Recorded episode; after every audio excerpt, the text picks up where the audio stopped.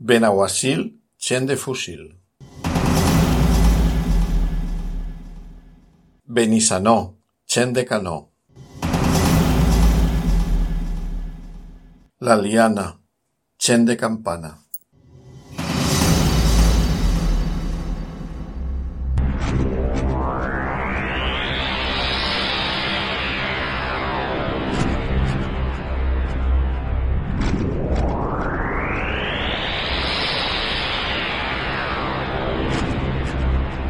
Quarta temporada del nostre podcast on, en tota ella, vos parlarem de les cròniques negres edetanes.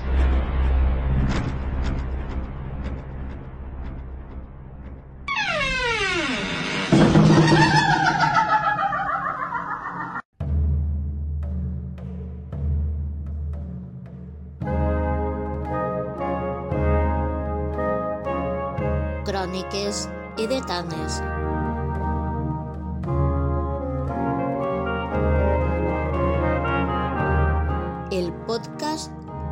Camp de Túria.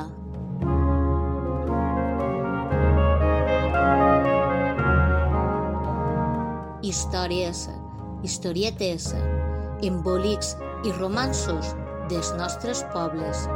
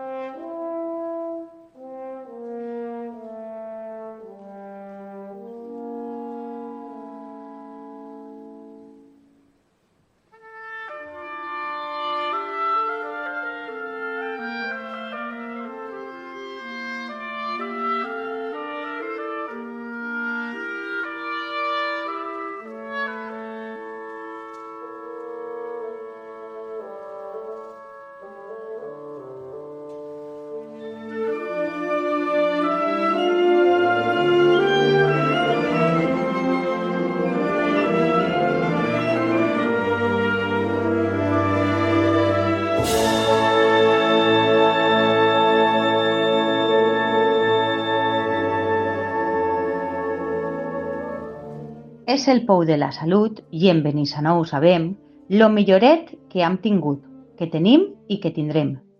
En ell aplaquem la set, ell mos cura malalties i venen a visitar-nos persones en tots els dies. Ell és el passeig del poble, també és el parc dels xiquets, el mercadet de la fruita i de moltes coses més. Uns venen per beure l'aigua, altres perquè tenen fe i alguns per passar el dia, que així se passa molt bé.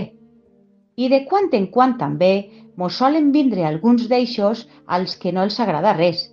Beuen aigua, fan carasses i, com fumarells perduts, desapareixen després. Poema de Josep Domingo Castellano.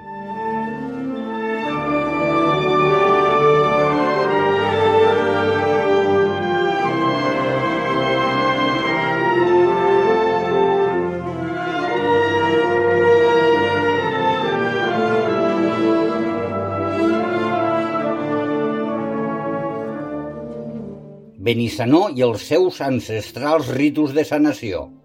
Quarta temporada, episodi tercer, programa 30, amb la participació de Joan Belloc, Enric Llopis, Vicent Murgui i Neus Domínguez. Producció Vicent Galduf, acompanyats musicalment per la Societat Musical La Familiar de Benissanó.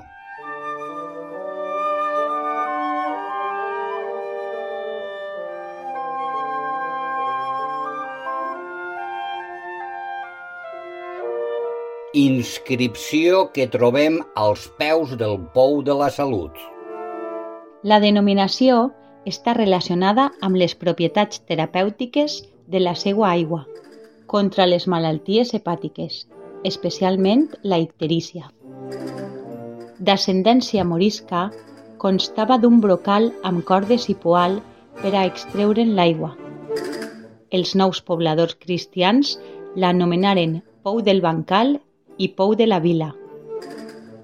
Durant el segle XIX adquirí una gran fama entre els qui confiaven en les propietats curatives de la seva aigua miraculosa, que complementaven la visita al pou amb pregàries adreçades a la Mare de Déu del Fonament, patrona de Benissanó. Benissanó, juny de 2020.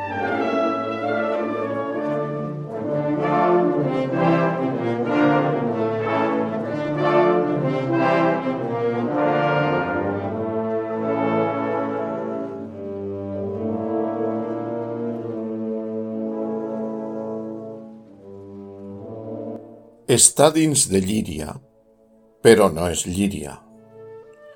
Està entre el Carraixet i el Túria, però rega de la font de Sant Vicent. Té un castell, però està enmig de l'horta. Té el pou de la salut, però es diu el pou del bancal. Benissanó és el petit cor del camp de Túria, fortament relligat amb els seus veïns de Llíria, Benaguasil, La Pobla, Bétera i Olocau. És un poble profundament marcat pel seu passat islàmic i senyorial. El nom i molts topònims són dels amazics. El castell i les muralles són senyorials. La tradició ha fet del seu nom una etimologia popular relacionada amb la sanació. El rey Beni enfermo estaba, y tu agua lo sanó.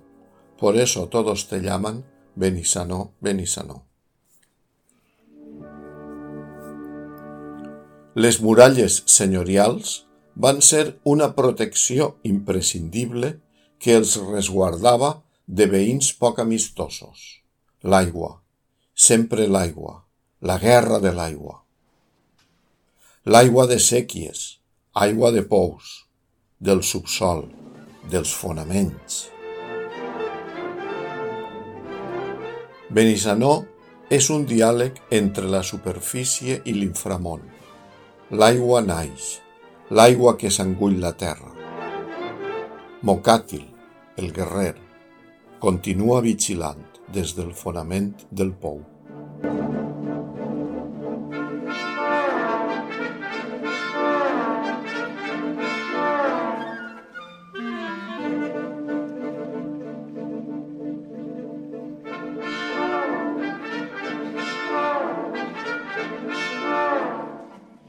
En l'anterior podcast, segon programa de la quarta temporada, vam llegir la notícia d'una energúmena que estava a la Cova Santa i acudia a Benissanó a implorar la curació davant la verge del fonament. Ara volem ampliar i posar en context aquella notícia periodística tot relacionant-la amb les antigues pràctiques curatives que es realitzen a Benissanó des de temps immemorial.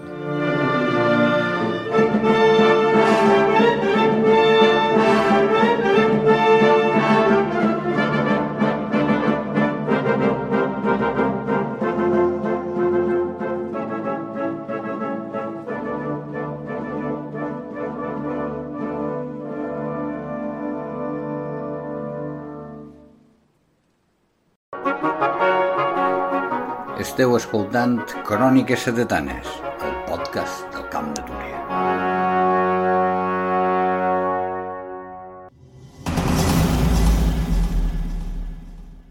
Notícia publicada pels diaris valencians a principis de febrer de 1853 i arreplegada un parell de setmanes després, el 26, pel periòdic de Madrid La Espanya, les eleccions a les quals fa referència l'article se celebraren el divendres 4 de febrer de 1853.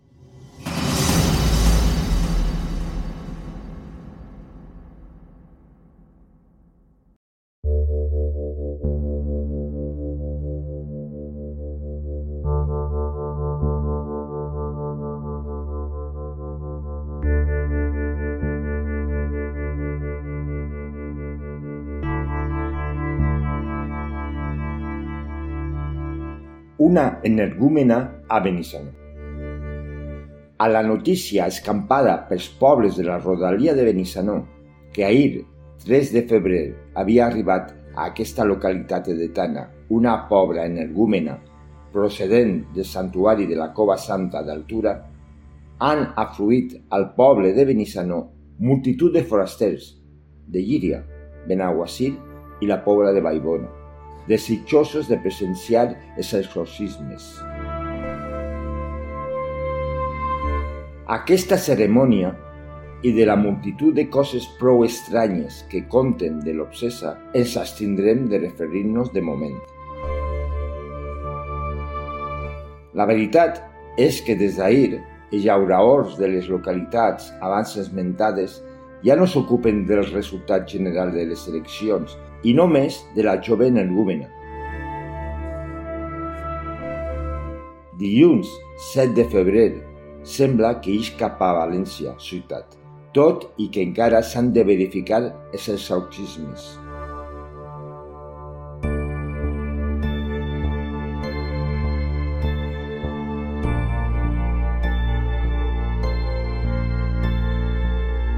Sense sospitar-ho, hem vist que aquesta notícia posa de relleu un fet que ens havia passat completament desapercebut. Benissanó i els rituals de sanació, especialment de la icterícia o diacrà o aliacrà.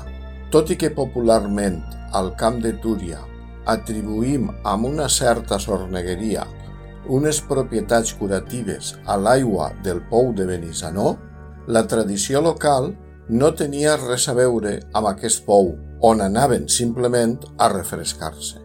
Les curacions s'efectuaven a través d'una cerimònia religiosa que es feia a l'església, davant la Mare de Déu del Fonament, i que s'anomenava dir els evangelis. Aquesta litúrgia va ser recollida i descrita per dos cronistes llirians, Josep Duran i Lluís Martí. Al llibre Els pobles heretans parlen els uns dels altres, recollim els versos populars de Josep Duran, amb un comentari explicatiu.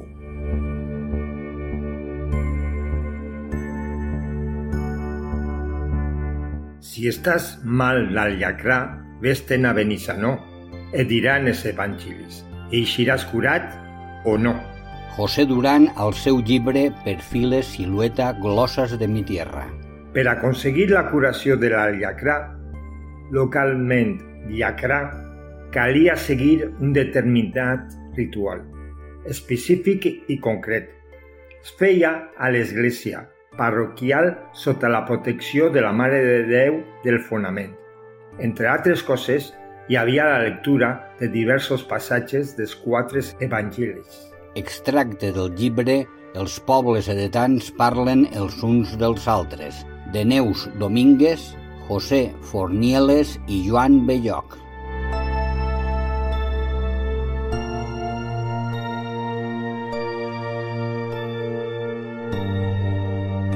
També Lluís Martí va descriure la cerimònia davant la imatge de la Verge del Fonament.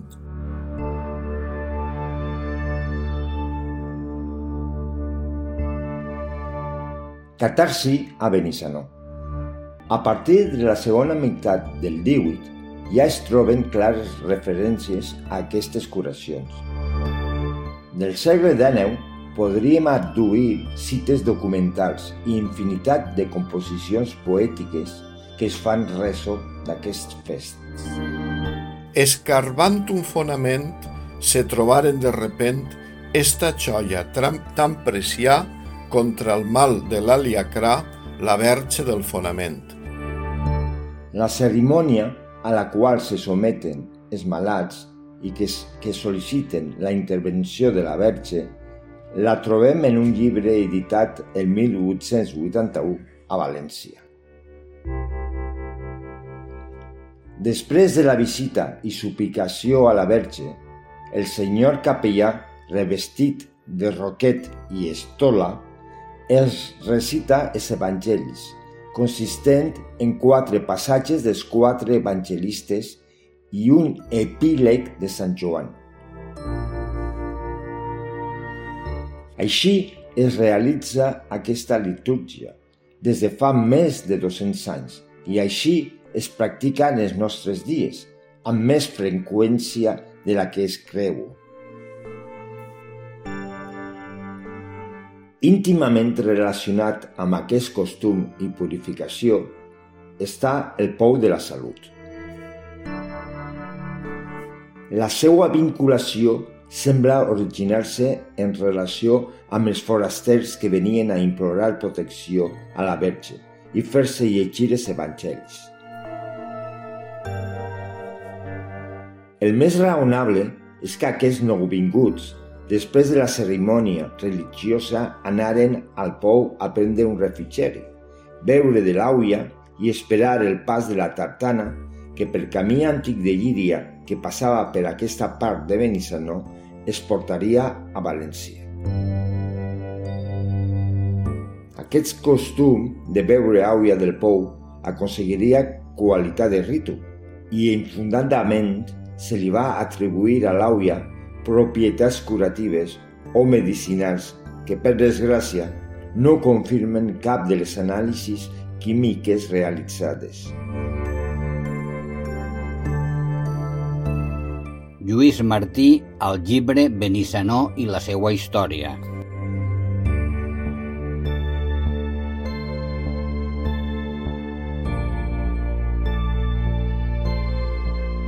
Aquests cerimonials podien interpretar-se com un exorcisme, tal com fa el periodista de Madrid.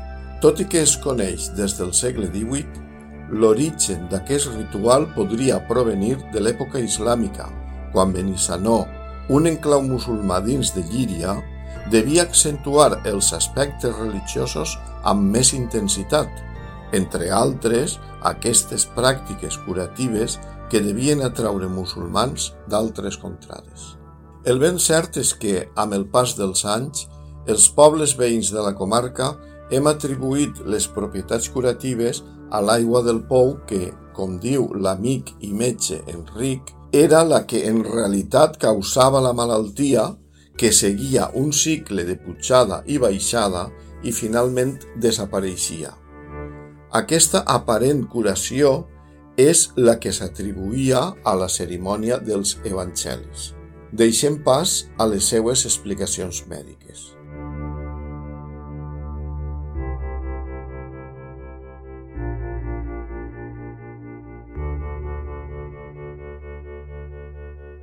Fa 50-70 anys, a la nostra comarca, Camp de Túria, era molt freqüent parlar de l'aliacrà, una malaltia que es caracteritzava pel color groguenc que apareixia en la conjuntiva i en la pell, semblant al color groc de l'aliacrà comú. Era una inflamació del fetge, una hepatitis que en 1944 va descobrir-se que era produïda per la infecció d'un virus.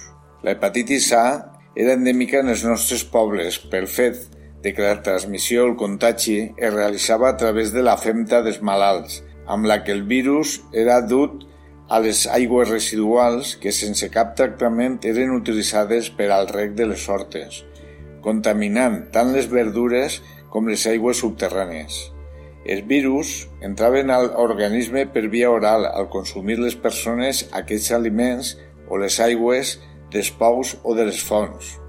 Es desencadenava la infecció que atacava el fetge al cap d'unes dues setmanes de la ingesta i els malalts continuaven eliminant el virus per la femta almenys durant tres o quatre setmanes més, reproduint el perill del contagi. Aquest virus, a l'inflamar el fetge, augmentava el nivell de la bilirrubina en la sang, la que forma part de la bilis aquella a la que Juan Luis Guerra va dedicar una cançó, i aquell fet donava el color groc característic als ulls i a la pell i feia que les orines foren fosques. Aquesta inflamació de vegades podia ser lleu i passar desapercebuda, però per regla general produïa un quadre d'aspecte catarral, com una mena de constipat, amb calentura i un gran decaïment. Generalment els pacients curaven sense necessitat de cap tractament llevat del repòs que requeria les pèrdues de força i el quebrantament general, i només rarament evolucionava cap a una hepatitis fulminant letal que conduïa a la mort. Les defenses naturals de la gran majoria dels afectats, generalment gent menuda, xiquets, es curaven en unes 4 o 6 setmanes formant anticossos, les defenses, una immunitat de per vida. Va ser endèmica en els nostres pobles fins que no es van canalitzar les aigües negres i clorar, potabilitzar les aigües de consum. Avui dia es pot contagiar encara en ocasions en què es consumeixen marís fresc com les clòxines si no han estat ben cuinades. Com tantes altres malalties infeccioses epidèmiques, el seu origen era desconegut, provocant una gran angoixa i preocupació pel que, a més dels remeis naturals i el repòs, calia recórrer a la gràcia divina. I gràcies a Déu, mai millor dit, després d'invocar als sants i realitzar rituals religiosos, com era natural, la gran majoria curaven unes setmanes després, i per tant l'eficàcia dels encanteris quedava assegurada. A Benissanó, com conten les cròniques i la memòria dels que tenim certa edat, va tindre molt de predicament amb el conseqüent èxit assegurat aquests tractaments, aquests rituals a la recerca del fet sobrenatural. Aquesta fama es va traslladar a les aigües miraculoses del seu pou, on, amb molta fe, es consumia l'aigua remellera.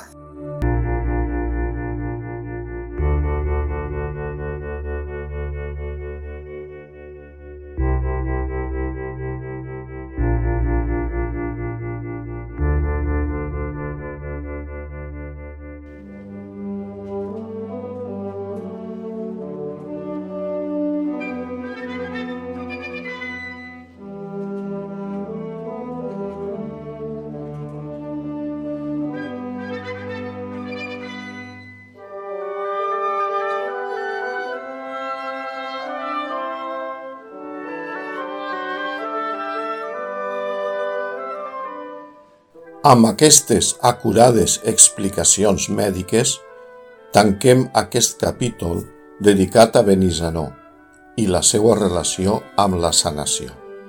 Un fet que hem situat a mitjan camí de la fe, la medicina i el mite. Però Benissanó encara amaga molts altres misteris i sorpreses que anirem comentant en altres converses.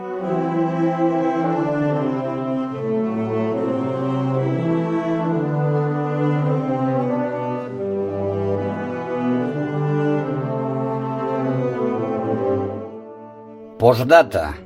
Llíria, el Pouet i les festes majors de Benissanó.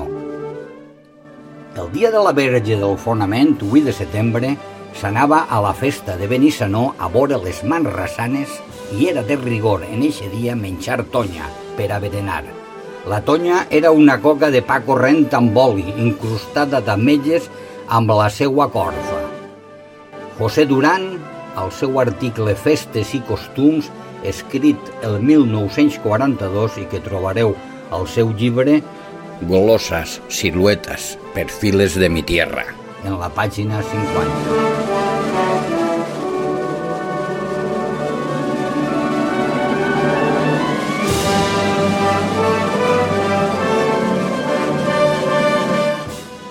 Tradició del 8 de setembre quasi perduda e de Llíria anant a peu a Benissanó eixa vesprada, dia de les verges aparegudes, pel camí del Pouet a berenar allí una tonya el dia de la festa gran manresana, com s'havia fet tota la vida.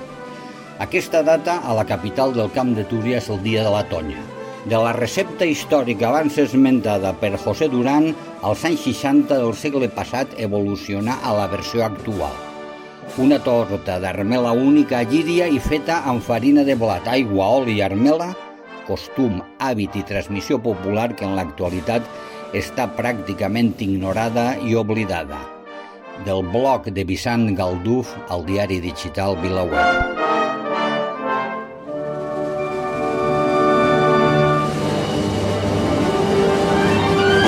Comença així un nou programa de cròniques negres edetanes.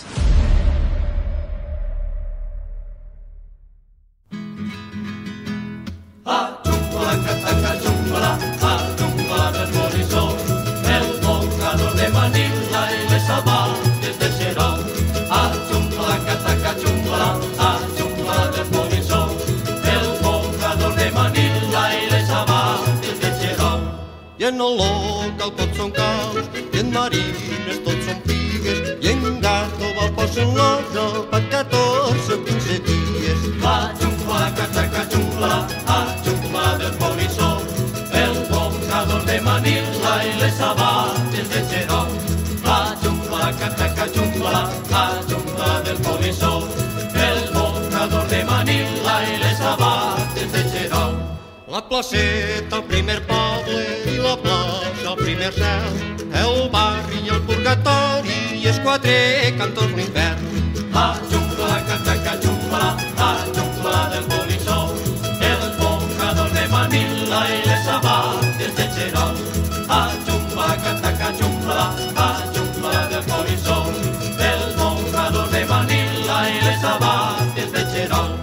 Pa carbones en el barri, espardelles en la era, en la plaça espavilats i virles en la placeta. A xumpla, cataca xumpla, a xumpla del polissó, el bocador de Manila i les sabates de xeró. A xumpla, cataca xumpla, a xumpla del polissó, el bocador de Manila i les sabates de xeró. Les xiquetes del barri s'han comprat un guitarró per a ballar els diumenges de punteta i de taló. A xumpla, cataca xumpla, a xumpla del polissó, el bocador de Manila i les sabates de xeró.